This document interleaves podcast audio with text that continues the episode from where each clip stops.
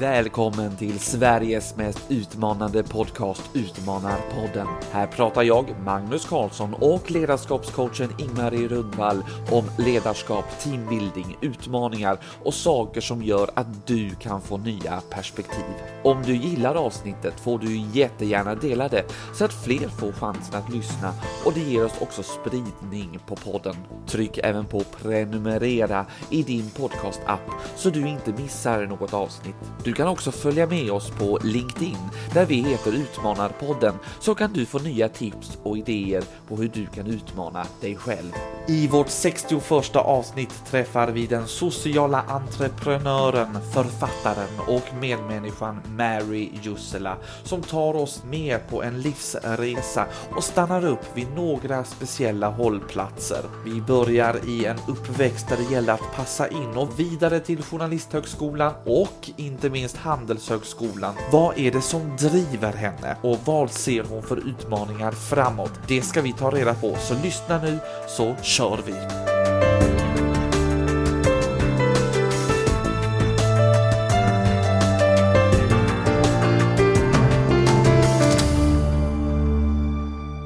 Ingmarie, vi sitter på Comfort Hotel i Kista ännu en gång, ska jag säga. Och eh, det är en speciell dag idag. Det är ju en sån dag som du och jag tycker om Magnus, en sån dag när vi har en gäst som ska komma till Utmanarpodden. Vet du att på hennes hemsida, eller på det företaget hon driver väldigt framgångsrikt, så står det att hon vill utmana, störa och beröra. Så då kände jag när vi läste det, det måste vara som klippt och skuren för att vara gäst hos oss. Alltså utmana, störa och beröra.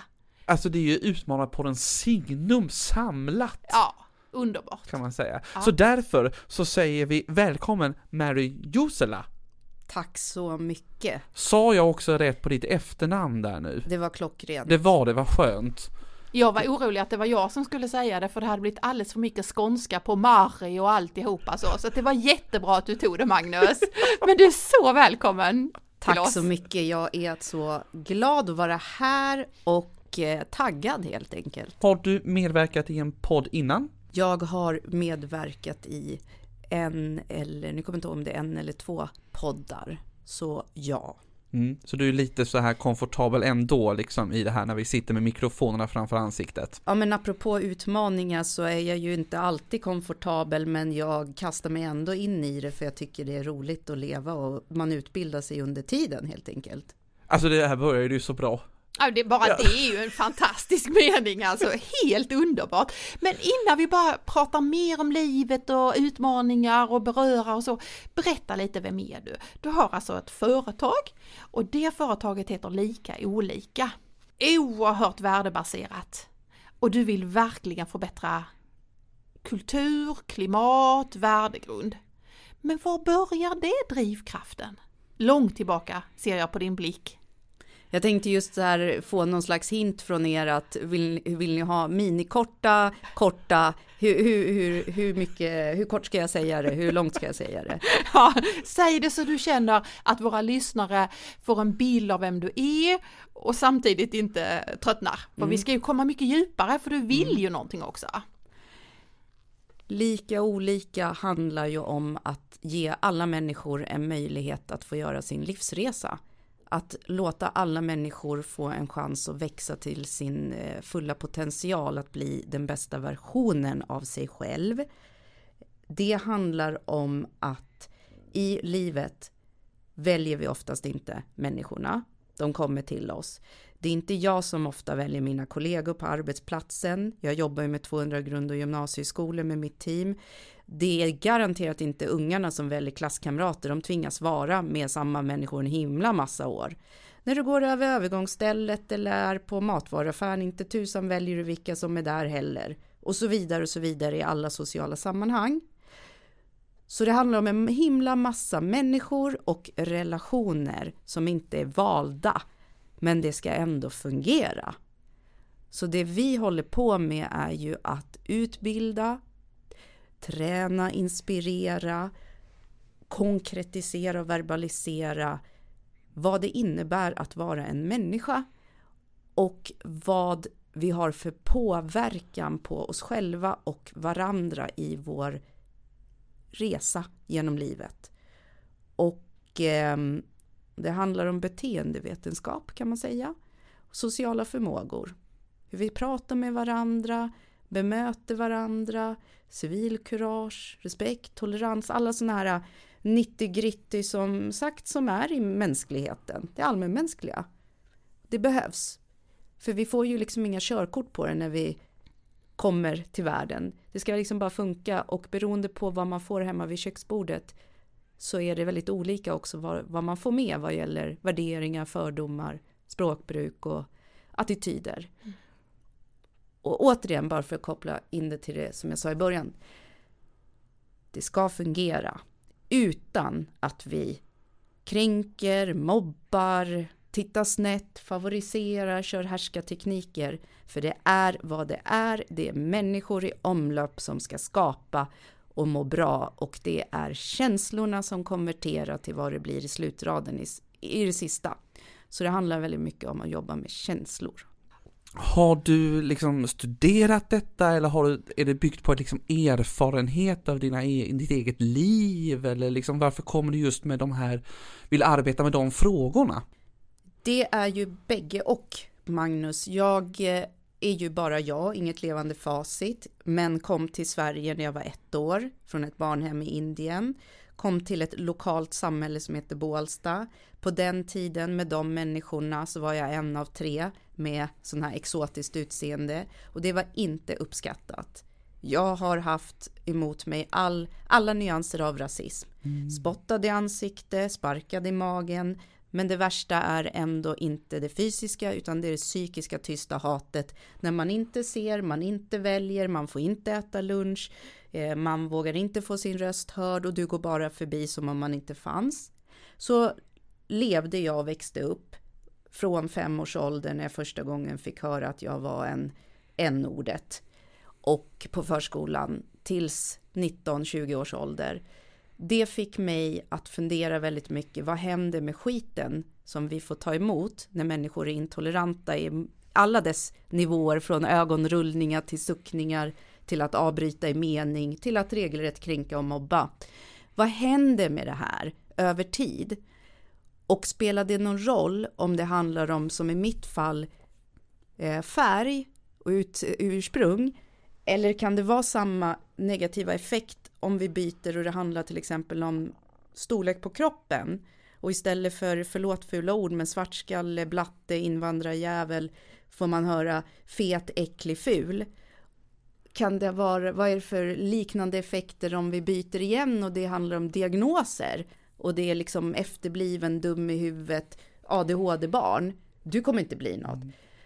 Så för att gå bort från min egen subjektiva uppväxt och och ta reda på mer så har jag som enda person i världen gjort då en studie på 700 slumpmässigt utvalda familjer från Malmö i söder till Piteå i norr i 40 olika samhällen där jag har bott hemma med familjerna i den allra heligaste platsen där man bygger det som är utanför ytterdörren och det heter köksbordet. Det är maktcentrat. Där satt jag i tio år hemma hos dig Magnus eller dig Ingmarie och tog reda på vad är det de vuxna där ger till mig som jag sen blir budbärare till mitt lokala sammanhang som kan heta skola, förening, eh, allmänna platser eller liksom arbetsplats. Och vad är det som då blir utav det jag ger som bygger upp gruppens DNA och sociala förmågor som sen blir lokalsamhällets som sen också ger tillbaka till mig som individ att ta med hem till köksbordet i det här eviga kretsloppet. Så det var Fy, både jag gillar egen, din bild av köksbordet. Mm. Jag gillar jättemycket den här bilden av att det är där det händer på något sätt. För ibland gör vi, och det är en av mina ingångar också, att ibland tror vi att det är något stort system och det är stora förändringar och så. Och ibland säger jag ju väldigt tydligt att, att livet är enklare än vad vi tror.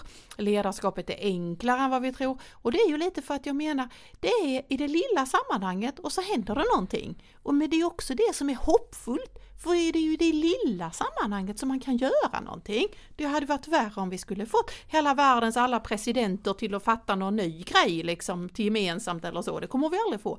Men shit vad jag älskar det här att du säger, ja köksbordet är där vi alla sitter någonstans. Det är uppskatt, det, det tog jag med verkligen. Mm.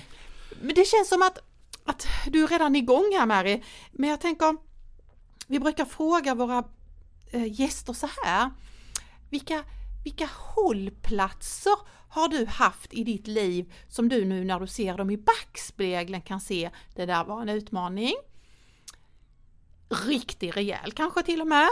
Men jag har någonting med mig därifrån eller jag har någon synsätt därifrån eller någonting. För att jag gillar den här bilden av att tänka att livet består av hållplatser.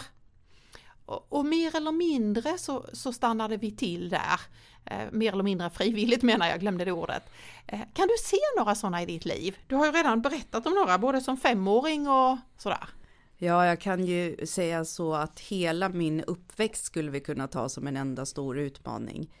Just det här totala utanförskapet och att överleva det. Det är ju någonting som jag kommer att bära med mig hela mitt liv. Jag är en produkt av det. Eh, så att jag fick ju med mig mycket positiva lärdomar om kämparanda och liksom framåtkraft och att se vilka guldkorn man kan ta med sig även i motgångar. Men för att vara ärlig fick jag ju också med mig psykisk ohälsa som jag fortfarande som vuxen och kommer nog kanske säkert alltid ha med mig eh, lider av, mm. verkligen uppriktigt. Eh, men utöver det och liksom bakgrunden med rasismen i mitt fall så är det ju också eh, en stor utmaning eh, var ju bland annat när jag, alltså jag har alltid, alltid haft en glöd som brinner som för mig framåt och jag har inte alltid kunnat konkretisera vad tusan det handlar om, även om jag i retrospekt ser att det alltid mer eller mindre handlar om att utbilda genom, inte alltid akademiska poäng, utan att doppa tårna näst, nästgårds och kolla hur har ni det här? Alltså livet som utbildning och att sprida det till så många som möjligt. Den, är det för att du vill mm. väcka liksom reflektioner eller varför? För när du säger utbilda så menar du egentligen att du vill utbilda dig själv för att kunna berätta för andra eller vad menar du? Vad? Ja, både och. Jag menar också att få människor att bli nyfikna på andra människor, situationer, kulturer, sammanhang. Därför att det lilla barnet som jag då var, som vi alla är någonstans, såg att de människorna i Bålsta när jag växte upp, det var några få, ytterst få, som hade rest lite grann, sett någonting annat än Bålsta. De var mer benägna att vara toleranta. Mm. Mm. Och tolerans behövs ju eh, oavsett om det handlar om hudfärg. Det handlar ju om ja, att ha tolerans för att du har andra åsikter eller klädesplagg eller dialekter eller sexualiteter eller vad tusan som helst. Så jag märkte att när människor har vidgat sina vyer så blir de snällare. Mm. Punkt slut. Ja. Bra! Ja. Oh, vilken enkel eh, och klok, vad bra du var på att formulera där tyckte jag Mary. Den ja, men vidgade vyer, enklare och var snällare. Ja, vad fint! Exakt. Verkligen. Ja, vi, men vi var jag tror att jag avbröt dig egentligen, varför du såg ut som du kände som att du hade någon ny hållplats du skulle hoppa till. Ja, men det var ju då att jag har ju en bakgrund yrkesmässigt och akademiskt att jag ville som sedan 14-åring jobba som journalist. Och jag har också en journalistisk examen Eh, sen gick jag rakt ut i arbetslösheten efter den examen och fick kämpa många år med att vara två veckor här, en dag där och så vidare.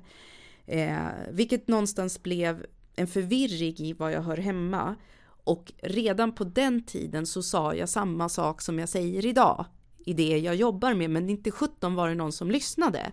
Så jag upptäckte att det här med ekonomi och ledarskap, det slår högt. Och jag var ju då anställd på det statliga riskkapitalbolaget Swedfund, så jag jobbar med kommersiellt bistånd tillsammans med mina kollegor och åkte liksom runt världen och åt lunch med presidenter och såg oerhört speciella delar av världen och människor och väldigt exklusivt så. Och så kände jag att jag kom inte mig själv till rätta. Jag kan kommunikation, men jag förstod inte innehållet. Vad betyder ett riskkapitalbolag som gör investeringar för små och medelstora företag i utvecklingsländer? Jag förstod inte ett dyft, det var inte min bakgrund. Jag kommer från lägre arbetarklassen där liksom någon var eventuellt ingenjör och då visste man inte riktigt vad det var. Mm. Så det var nytt för mig.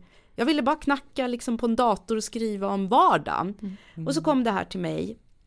Och då eh, så, så sa jag upp mig det var väldigt, det var ju en process efter några år att liksom, ska jag göra det eller inte? För där satt man och hade all inclusive och liksom eh, fina förmåner och mm. gratis, eh, vad heter det, sjukvård ja. och allting. Mm. Och låt säga, och man får resa Ja, marmorgolv och champagne ja, och, träffa många människor högt uppsatta. Gå på fina och mingel och mm. ryggdunkar och så. Och pappa, min kära far, mina föräldrar är uppvuxna i andra världskrigets slut. Mary, du kan inte säga upp dig, du är tjänsteman.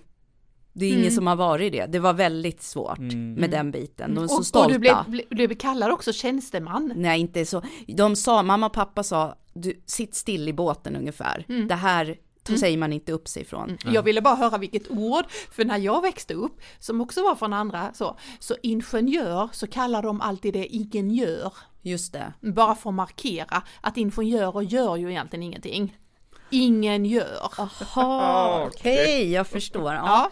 ja. Men här var också en markering att tjänsteman, mm. det är så högt du kan komma mm. och liksom mm. sitt still, du är trygg. De hade ju aldrig varit trygga. Nej. Pappa inte ens avslutat grundskolan, så jag förstår dem. Mm. Men jag kände det här är inte för mig. Och samtidigt satt jag på jobb och fick andra människors ansökningar om hur det här var deras guldjobb. Och jag kände så här, då måste ju du få det här. Så jag sa upp mig Eh, efter att, innan var jag ändå så klok så att jag kände, jag ska ta den här himla eh, eh, ekonomiska examen så att folk ska börja lyssna på mig. Plus att jag var nyfiken också, vad är det där med ekonomi och entreprenörskap? Det var ju superkul, varför visste jag inte om det här innan? Då var jag ändå vuxen, det här är ju, jag är ju 27 år gammal då när det här händer. Så då fanns det en ny master som kom på Handelshögskolan i Stockholm och det hade jag ju fattat att Handelshögskolan inte i Göteborg utan Stockholm. Det är ju elit liksom, dit ska man gå tydligen. Så då måste jag ju ta mig dit och jag är ofta så här när jag bestämt mig då blir det så, även om det kan ta många år av avvägar för att nå dit, men då är det bara så. Mm. Där kommer väl kämpaglöden in igen? Ja, gud jag. ja, och bara beslutet. Mm. Nu var det så här, det finns ingen nej, det är bara ja. Och tills det heter kanske så är det fortfarande ett ja som vi bara ska tippa över. Så hur som helst, då sökte jag och det var väldigt omfattande processer och meritbrev och referenser och, och, så vidare. Och jag tänkte att det här kommer nog inte gå. Det var väl 40 platser och jag tror det var 11 000 internationellt sökande. Men jag var en av 40 som kom in därför att jag tror att de tyckte jag hade en jättekonstig udda bakgrund. Då Eller för att Mary är Mary. Att det har jag inte tänkt på.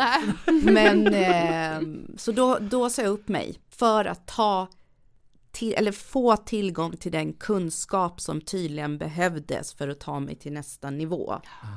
Du hade tanken på att Handelshögskolan i Stockholm, det var ju liksom eliten. Hur var det att komma in i den världen sen?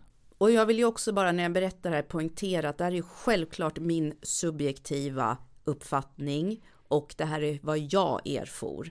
Så att det är liksom inte någon allmän sanning. Det var kunskapsmässigt för mig fantastiskt. Jag har fått det jag ville få. Jag har fått dörrarna som öppnar och människor som lyssnar och det väger tungt. Sen kan man tycka vad man vill om det, att liksom det finns mycket att säga. Eh, så kunskapsmässigt så tacksam och glad över det.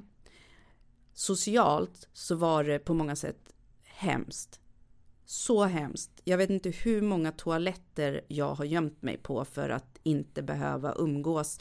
Eller för att slippa återigen vara med om under rasten att ingen vill prata med mig. Och slippa höra när andra diskuterar hur roligt de hade på någon fest eller de satt hemma hos någon och plugga inför en tenta och själv är liksom en humanist har aldrig någonsin hållit på med reproräntor och ska på något sätt försöka förstå det här att hjälp, jag hade också behövt en kompis. Då är det lättare att gå och gömma sig, tyckte jag. Det blev den udda fågeln igen. Det är en bra fråga, alltså det är mitt perspektiv hur jag själv ser på mig själv under den tiden och, och sen hur man, någon annan skulle säga från, om mig från den tiden som gick med mig. Jag kände helt enkelt så att jag kom inte mig själv till rätta därför att jag sprang rädd eftersom jag inte hade ett tryggt sammanhang. Sen fanns det självklart eh, några undantag. Fina, fina människor som kanske delade den bilden men var kanske starkare än mig och klarade av det på ett bättre sätt. Tog du examen? Ja. Så du var verkligen där i några år? Ja. Och du fixade det? Ja, och det ska jag också säga, tack vare två fantastiska människor som jag gick och studerade med som hjälpte mig med de förbannade reporäntorna. Jaha, fast jag tänker, jag fattar att reporänta är någonting som inte jag heller förstår mig på och man ska fatta det. Det fattar jag. Eller det fattar jag inte, men jag fattar att det är ett problem. så var det, så blev det rätt där. Men jag tänker, hur stod du ut med detta som människa? Du måste ju varit en, ännu en gång få uppleva att du är någon annan än de andra och inte samma kanske ekonomiska förutsättningar och alltihopa och så. Vad har du i dig som gör att du fixar det? Jag tror att det handlar om målet. Mm. Att jag är väldigt, ehm, eh, om man tänker de här diskanalyserna, mm. så är det ju någon som gjorde den på mig för ett tag sedan på något så leadership executive women program jag fick gå. Och jag blev ju förvånad, för jag har inte tänkt på det, men när jag fick resultatet att jag är väldigt röd, så bara, jaha, jo men det kan ju stämma. Så jag tänker att jag är alltid väldigt, för det första alltid sen väldigt tidig ålder tänkt kort och långsiktigt i mitt liv. Redan när jag var åtta år hade jag gjort så här tioårsplaner som jag skissade på papper. Och det handlade dels om att överleva. Jag, måste, jag har en riktning, håll dig till det här. Det är det jag pratar mycket med barnen och ungdomarna ute i våra skolor också. Fokusera mot horisonten. Minns liksom vad, vad är kompassen? Och sen hitta sätt i vardagen för att få ur dig skiten. Gråta, skratta, gå skogspromenader, träna, sjunga, måla, vad du nu, läsa bok och så vidare. Så att dels är det en sån grej och dels är det att jag, fast jag Ja, det är ju svårt där, skillnaden mellan det intellektuella och det emotionella, att jag intellektuellt vet att jag är inte värd den där dål, de där dåliga beteendena. Men emotionellt har jag inte riktigt kommit dit än. För jag tänker så här, och, och, vad du gör nu via ditt företag, det är ju att, att låta ungdomar, och jag ser ju att du också jobbar med företag och kommuner och sådär, att, att människor ska få verktyg för att fixa det och hålla blicken på horisonten och riktning och kompass. Du vet inte hur mycket vi har pratat om det i Utmanarpodden så vi är så glada du använder våra ord, fast det är kanske dina ord, våra gemensamma ord. Men då bara tänker jag så här, var det någonting som föräldrar eller eh, eh lärare eller finns det någon vuxen som har lärt dig det? Utan är en av dina hållplatser just egen självledarskapsutbildning? Jag vet inte om det kunde heta så jag har alltid varit extremt reflekterande och analytisk. Och det har väldigt ofta handlat om, alltså som jag brukar säga, och precis som du säger, vi, vi jag jobbar ju med företagslivet hur mycket som helst. För mig när jag nämner skolor, företag, för mig är det samma sak. Mm. Det är ett gäng mm. människor. Sen kan det heta barn, vuxna, ungdomar, det är sak samma, det är samma psykologi. Men för mig är det så här, jag, vi dras in, när vi kliver utanför ytterdörren, ut på spelplanen i livet, in i grupppsykologi när vi inte får välja varandra allt som oftast, så dras vi in i situationer. Och ibland så har man inte så mycket val mer än att försöka hitta verktyg för att överleva. Och de verktygen jag har hittat som också jag fick matchat i studien att det här finns det ju namn på till och med inom psykologin och som vi nu lär ut och så, det är ju någonting jag har plockat längs vägen själv för att hålla mig till min riktning. Mm. För att jag någonstans tror att det finns en mening. Mm. Det finns ju något som heter KASAM mm. inom psykologin. Känslan av samhörighet som jag också fick höra senare i livet som jag nog alltid haft in i mig. Det finns en mening, det finns en mening, vad kan jag ta med mig? Och sen finns det en stor omsorg, det är väl det som bär mig. att jag kan inte tolerera att mina medmänniskor ska vara med om samma skit som jag själv har varit. Och där är någon jädra drivkraft i dig, alltså som är imponerande. Ja, en styrka som, som jag tänker har vuxit eh, för varje sak du har tagit dig igenom. Eh, det känns som att så här, nu har vi ju uppsnackat det här avsnittet och liksom lärt känna dig lite så här innan vi går in i, i inspelning. Och det känns ju som varje sån här sak stärker dig ännu lite mer. Vi kommer ju in på fler hållplatser Ja, nu. vi för jag tycker vi ska ta en nu. Ja, jag tycker faktiskt det Hoppa också. till nästa hållplats. Mm.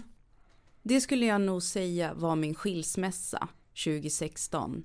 Då hade jag levt med samma person sen och växit upp nästan med honom sen 19 års ålder och eh, det är också eh, pappan till min son. Sen första personen sa att du inte är värdefull, du är inte viktig på grund av min hudfärg där på förskolan, fem år gammal, när jag får höra n-ordet. Så någonstans, det är så mycket parallella processer tror jag inuti oss människor, så även om jag intellektuellt hade förstått, nu måste jag överleva, nu gör vi de här och de här sakerna, så emotionellt hade jag liksom någonstans satt Mary, människan, på en åskådarplats. Och så klev Mary, göraren, liksom överlevaren fram. Och eh, i mitt liv fram till väldigt tydligt tycker jag skilsmässan så har jag liksom sprungit rädd privat väldigt mycket i känslan att inte att hela tiden behaga, hela tiden göra det som jag tror eller folk säger förväntas av mig för att inte hamna utanför, för att inte bli ensam. Har varit oerhört rädd för det här ordet att vara ensam. Ensam mot världen. Hur i all sin dag ska jag liksom klara det? Till och med innan, ett långt liv innan jag visste om det här med flockdjur. Men jag har verkligen känt den, den har styrt mig, den har härskat och söndrat. Och eh, då i alla fall så var det en eh, väldigt infekterad relation, om man ska sammanfatta det så. Eh, och inte hållbar någonstans, inte för mig och inte för vår son. Och den dagen när jag sa att nu, nu räcker det. Nu räcker det. Jag är en sån här som inte säger någonting förrän det verkligen är så. Att nu räcker det. Och då var då alltså 15 år. Så var det som kättjor som lossnade kring handleden. Och det var en så oerhörd frihetskänsla så det går nästan, jag kommer fortfarande ihåg det, jag kan nästan inte beskriva det mer.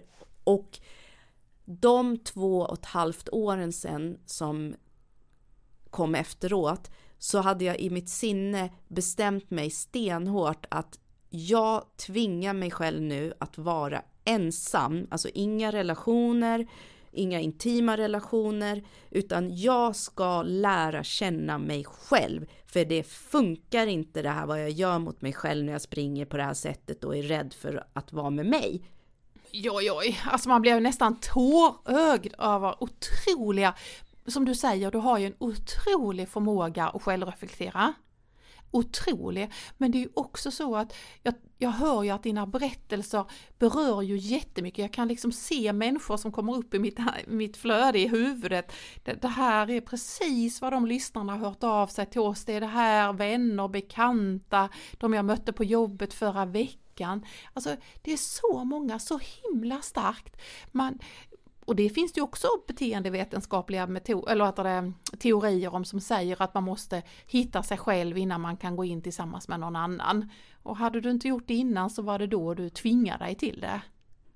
Ja, och det var ju någonting magiskt faktiskt. Det var fruktansvärt. Om man säger två och ett halvt år så skulle jag säga att två år var ju demoner. Men jag satt kvar. Jag kommer ihåg att jag satt på kökssoffan och kände ångesten skölja, ni vet, när jag kom hem de där veckorna när jag inte hade sonen, för då kunde man ju fokusera lite mer på honom och inte hur ensam man kände sig. Men då var det bara så här, ja. Och sen började det ju lätta och då var det roligt, för då var det så här, oh, okej, okay, nu är det jag med jag. Eh, hur tycker jag då om att duka bordet? Och vilken, vilken handduk vill jag köpa hem till mig? Och, och liksom så här, verkligen i det stora och det lilla till, till allt ifrån vad är mina värderingar, vad är min värdegrund? Till att liksom, ja en väldigt stark styrka som vi alla har inuti, men som i min reflektion, för mig i alla fall, jag erfor är där när vi är som naknast inför oss själva, vilket kräver tyvärr delvis att vi inte har andra runt omkring oss. Så jag kan ju känna att nu är jag ju i en relation igen, som jag hoppas håller resten av livet, som plockar styrkan ifrån mig, för vi blir liksom beroende. Förstår ni hur jag Mm, tänker? ja, ja. Mm.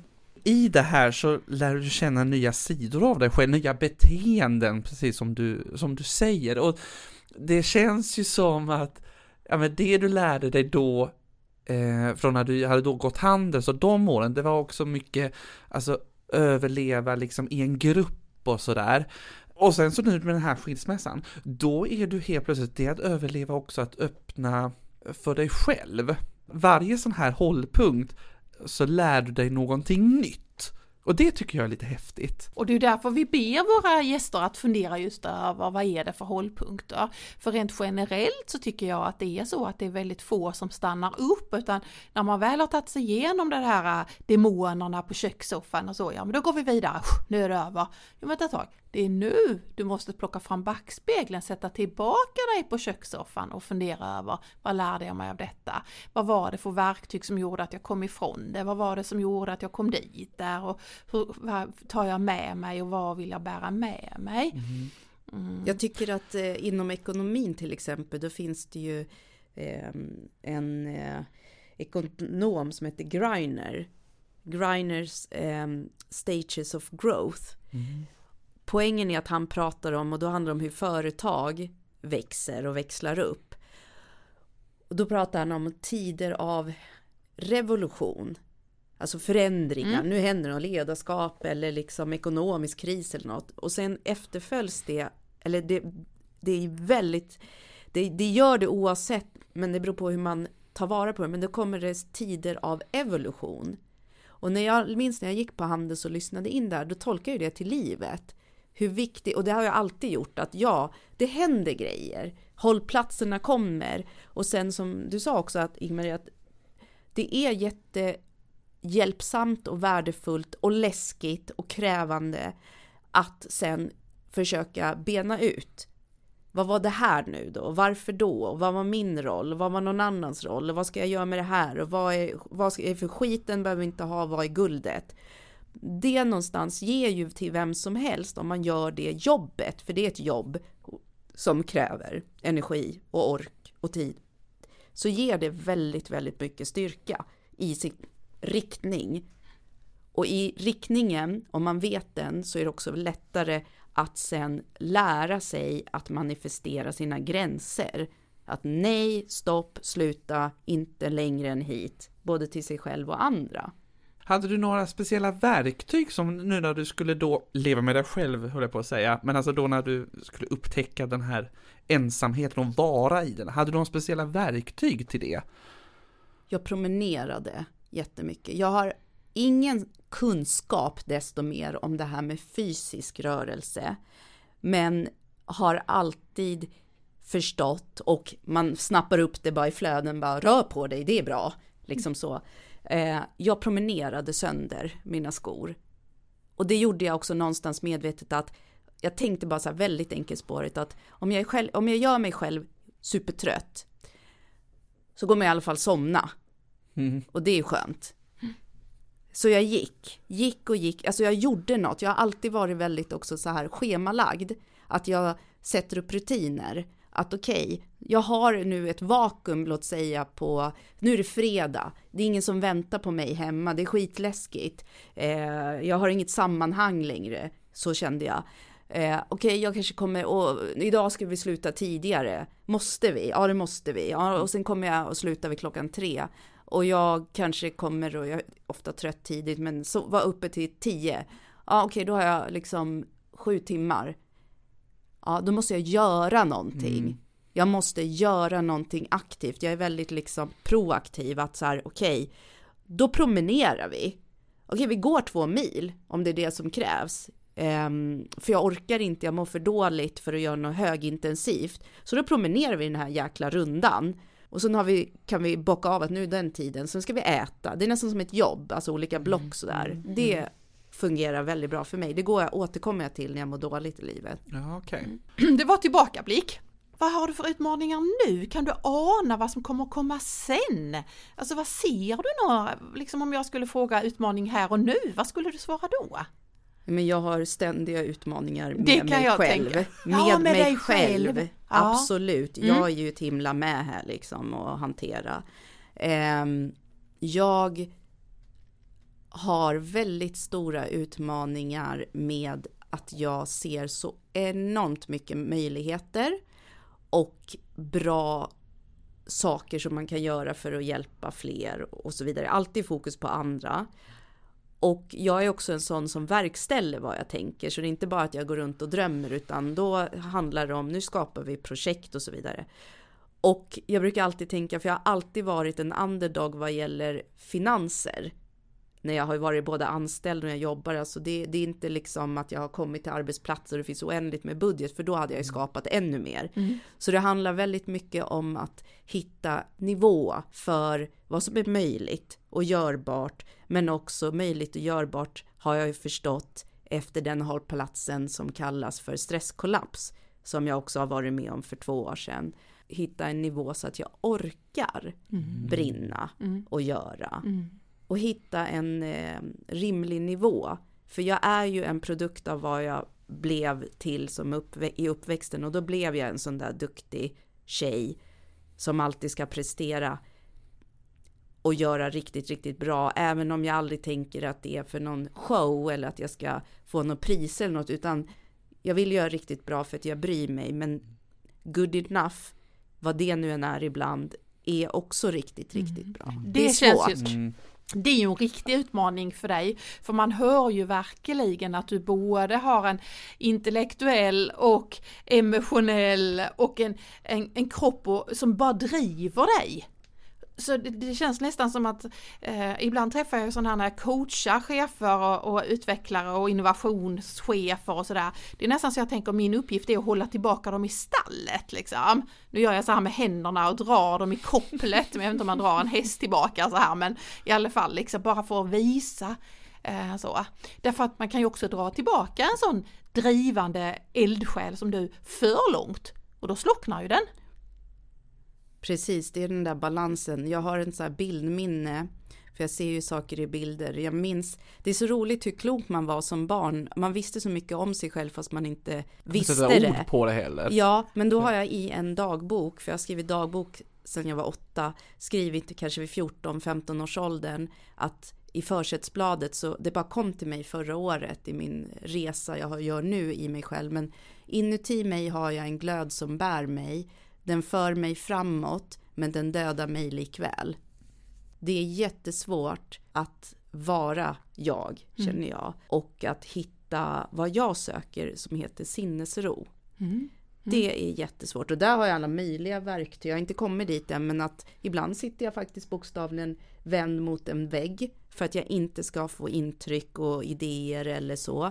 Jag har mobilen, inte bara den är på ljudlöst och liksom stör dig alltid för att jag ska kunna välja själv. För att så fort det händer någonting så får jag glädjeskutt och idéer.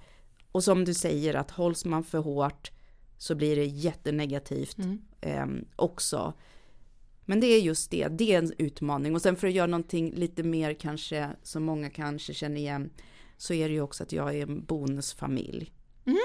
Ja, och jag är då bonusmamma och mamma till fyra barn som är 11, eller 10, 11, 11 och 13. Oj, oj, oj, Jag vet och jag tänker bara... Det är väl en utmaning Det är i ju en utmaning i sig. Och nu ska de snart in i puberteten hela skocken. Och själv har jag liksom, jag är ensam barn. Och jag eh, har ju då levt eh, själv med min son i många år. Och det är liksom sonen bland annat han åker ju en gång i veckan till mormor och morfar för att vila upp sig från bonusfamiljen själv. För det, det är underbart men det är oerhört utmanande. Vi pratar ju väldigt mycket om eh, till exempel språkbruk, hur man pratar med andra och hur, hur andra pratar med en själv, hur det blir också hur man tänker och pratar med sig själv, om sig själv. Eh, sånt pratar vi om. och också det här med civilkurage överlag, att, att liksom modet att våga säga ifrån för sin egen hälsas skull och eh, riktning. Och överlag så är det ju ett verktyg att kunna se både här och nu och framtid. Att se liksom en helikopterbild. Mm. Eh, och mycket samtal om såklart om det här som jag brukar säga att vem vill du vara? Det är ju ingen som kan bestämma till dig, men det är du som ska leva med dig och se dig själv i spegeln och stå för konsekvenserna. Det kommer aldrig någon annan göra. Till exempel, sånt kan vi prata mycket om. Och det här också som är roligt att Förlåt, nu kommer jag säga ett jättefult ord så jag borde inte ens göra det, men nu gör jag det. Att liksom så här, fuck dem. Skit i andra. Slappna av, chilla och som, som du säger Maria, jag säger också det att så här, livet behöver inte vara så jobbigt men vi sätter så mycket kringelkrokig ben på oss själva och tillåter andra att göra det. Att träna på att vem är auktoritet i ditt liv? Mm. Det behöver inte vara 50-11 personer, det kan vara en och kanske heter det mamma och pappa just nu och sen heter det du själv och sen kanske det heter någon lärare eller så kanske det heter en kompis eller en tränare. Det, det vet inte jag, det måste du träna på att hitta för dig. Vem du tillåter ha makt i ditt liv. Mm. Alltså det är ju jättespännande det du berättar Mary och man får ju så många bilder i huvudet. Och då tänker jag så här, två saker. Det ena är att, att det måste jag tänker också det måste vara en utmaning att jobba med exakt de sakerna som också pågår runt ditt eget köksbord. Mm, och den nickar du bara på, så den behöver vi inte prata mer om. Vad jag vill prata med dig om är på något sätt att om man ser dig då utifrån så ser du ju jättemodiga ut, du har gjort jättemycket, du har kanske gjort mer i dina år än vad de flesta kommer att hinna göra på sin eh, livstid. Du har varit jättemodig, men du är också väldigt modig med att säga att, att det här har också kostat dig mycket med psykisk ohälsa och hur du driver dig ibland till vansinne och alltihopa. Eh, då är det så här att i något tidigare avsnitt så har jag pratat mycket om det här att jag tror att ett mod är en muskel. Och alla muskler som man tränar händer det ju någonting med. Har du tränat ditt mod?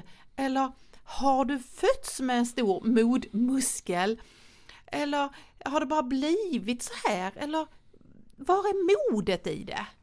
Det är ju en väldigt trevlig fråga och jag har inte tänkt på det så riktigt innan. Jag går ju liksom inte runt och tänker vad jag är modig. Jag kan ta ett exempel. Jag är ju under större delen av mitt liv fram till 30 någonting så är jag tapettjejen som inte syns, som du hittar längst bak, som har kläder så att det inte skriker om det för att jag ska inte synas. Och det kommer ifrån att jag ville inte synas när jag växte upp, för då kom de på mig och gjorde dumma grejer och ändå så syntes man för att man såg så annorlunda ut. Mm. Så, det så ligger tapettjejen är benämning för dig gråa musen ja, som försöker exakt. vara beige. Ja, liksom. men nu för tiden så kan jag ju stå som förra veckan så var jag ju liksom i Skåne och kan ha tusen personer framför mig och ha mikrofonen och alla liksom lyssnar och tittar på mig.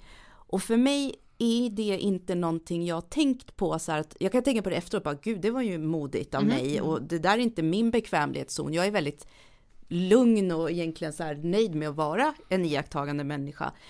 Jag vet inte, det är bara så här när du frågar så känner jag bara så här, jag blir så här igångsatt för det är så här, det bara måste vara så här. Det, det är no, jag tror det är ett rättspatos mm. som jag har fått säkert av min mamma. Att jag kan ju som inte bara stå här och titta på, det är fan mig inte okej. Okay. Om någonting händer, någon far illa, någon säger något och jag tror ju gott om människor och tänker att om jag kan hjälpa dig att bara ödmjukast få ge en chans att vidga dina vyer så att du kan kliva på en annan alternativ, positivare, snällare väg så, så måste jag försöka.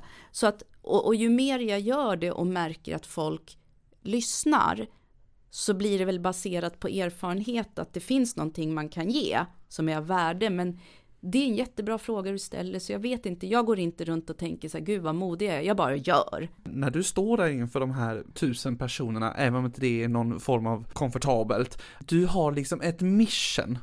Det, det, är det som driver dig, alltså det kvittar, det skulle kunna stå 20 000 människor och titta på dig, men du drivs av det här mission att, att göra något gott för andra, öppna ögonen på folk, och då kan du tänka bort de här människorna. Ja, du har faktiskt helt rätt. Det är så oviktigt. Jag, jag sitter och pratar bland annat om att eh, vara med på en stor arena där det kommer vara tusentals med människor. Och jag har ju inte varit i det sammanhanget tidigare, men det enda jag tänker är vad bra, hur många kan vi nå ut till då? Mm. Hur många köksbord kan vi nå ut till genom de här människorna? Och sen är det liksom bara göra det. Vi har ju pratat på så på, klockan har ju sprungit ifrån oss Magnus, men den brukar göra. Men jag tänker så här Mary, vill du ge oss någon utmaning? Ja, det finns många fina utmaningar.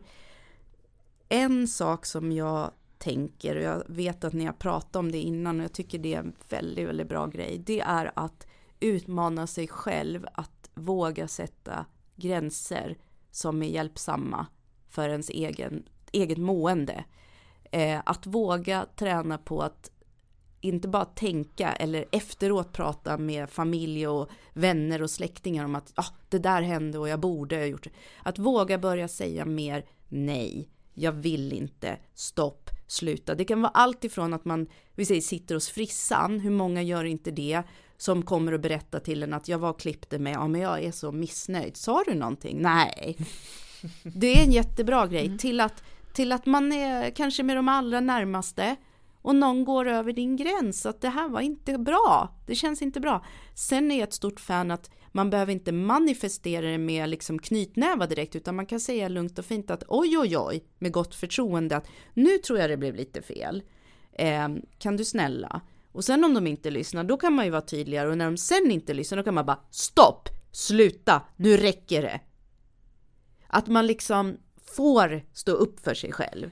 Träna på det skulle jag vilja ge som en utmaning i det lilla och i det stora. För in the end of the day så är du helt berättigad att vara du och tycka och tänka som du vill. Man behöver inte, och man behöver inte, man ska inte helst kränka någon, men det behöver man inte göra. Du får tycka och tänka och gud vad det kommer att hjälpa din självkänsla och också ditt egen, din egen resa i livet. Och förutom det så utmanar jag alla att gå och lägga sig före klockan 22. Varför just det? Därför att sömn är en av de mest grundläggande mänskliga behoven och jag möter så mycket människor som har hjärtklappning, ångest och får man inte sömnen till godo till sig själv så blir man sjuk och hamnar i psykisk ohälsa. Så jag brukar säga gå och lägg dig i tid och i tid är innan 22.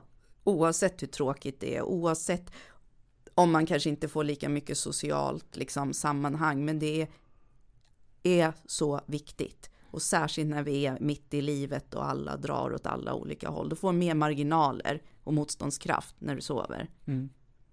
Jag tror på detta till max alltså. Ja. Men vet du vad, nu tycker jag Magnus att, att du som är så bra på att hitta orden, kan du säga tack till Mary på något trevligt sätt och allt vad hon har burit med sig och så säger vi hej då till henne. Ja men jag tycker faktiskt, alltså du har ju bjudit på väldigt mycket den här, eh, den här stunden som vi har haft och vi skulle ju hålla, kunna hålla på länge till, alltså det märker man ju liksom. Det finns ju hur mycket som helst, men vi har ju stannat vid några hållplatser. Tack för att du var här, jättekul att prata med dig och få höra också en del av din historia och vad det är du som, det du går och tänker på och kan inspirera andra till. Så jättehärligt att du var med i Utmanarpodden och så ska vi ta dina utmaningar. De ska vi ta i beaktning. Tack Eller så hur? mycket Mary. Tusen, tusen tack.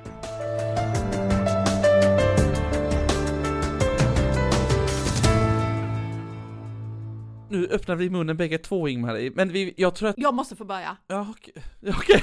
jag kan tvåan. Jag kommer att klara Den här tvåan. Eh, sova? Ja. Eh, ja. Jag är ju lite där, eh, ja, det, den är svår för mig. Men jag tycker verkligen att den här första, Eh, mm. Att stå upp för sig själv eh, mm. och det här. Det är verkligen någonting som man ska träna sig på. Och jag och nu var göra det, det. Bara, nu var det ju bara en liten del. Jag bara, hon taggade igång mig så jag var jag tvungen. Det är så god känsla när man kan känna att man kan gå in i någon ja. av alla de här. Alltså. Mm. Men alltså vilken tjej och vilka värde, alltså vi pratar ibland att vi jobbar med värdebaserade organisationer och värde och vad vill man och riktning. Alltså jag tyckte Mary personifiera allt. Ja, absolut. Och jag tänker så här, så som jag sa i podden också, att, eller när Mary då var här, att det känns som att efter varje hållplats så har hon lärt sig någonting nytt. Mm. Eh, och tagit det vidare. Men till exempel det här, nu var jag inte inne så mycket på det, men hon nämnde ju också den här stress... Eh, Kollapsen kollaps. eller ja men precis. ja. Mm. Och där lärde hon sig någonting mer utav den. Mm. Det var någonting annat. Och så tar hon med sig alla de här erfarenheterna. Mm. Och så är hon ju så generös så att hon vill ju dela med sig av det här till andra människor. Till de här som står på den här arenan. Så det är ju en väldig drivkraft men det är också en väldigt stor generositet. Att ha hittat både ett, ett sätt att härbärgera det, du vet mitt älsklingsord, men också ett sätt att vara generös och hitta ord. För jag tror att det är det vi inte många gör, man hittar inte ordet, hur mår jag egentligen och hur har jag det egentligen med mig själv och sådär. Att man faktiskt får hjälp av Mary eftersom hon är så generös. Mm, precis. Eller jag, jag tänker så här, att, att våga göra det. Att ställa frågan till sig själv. Mm. Ja men så som att man, som hon gör, att hon sätter sig och tittar in i, i eh, väggen liksom. Mm. Att våga göra det faktiskt. Att, eh, Ja. och vara ensam också. Ja. Det är ju härligt tycker jag med modiga människor som inte fattar att de är modiga. Ja men då är man modig tänker jag. Då är det så, då är det så naturligt för en så man har inte ens satt ord på det. Nej, exakt. Ja, Ja, det är härligt. Ingmarie, nu tycker jag faktiskt att vi eh, ska gå ut. det ska vi göra Mm. och så ska vi träna på att hitta oss själva, sätta våra gränser, göra det tydligt. Mm. Och lyssnarna, vi är tillbaka alldeles, alldeles snart igen.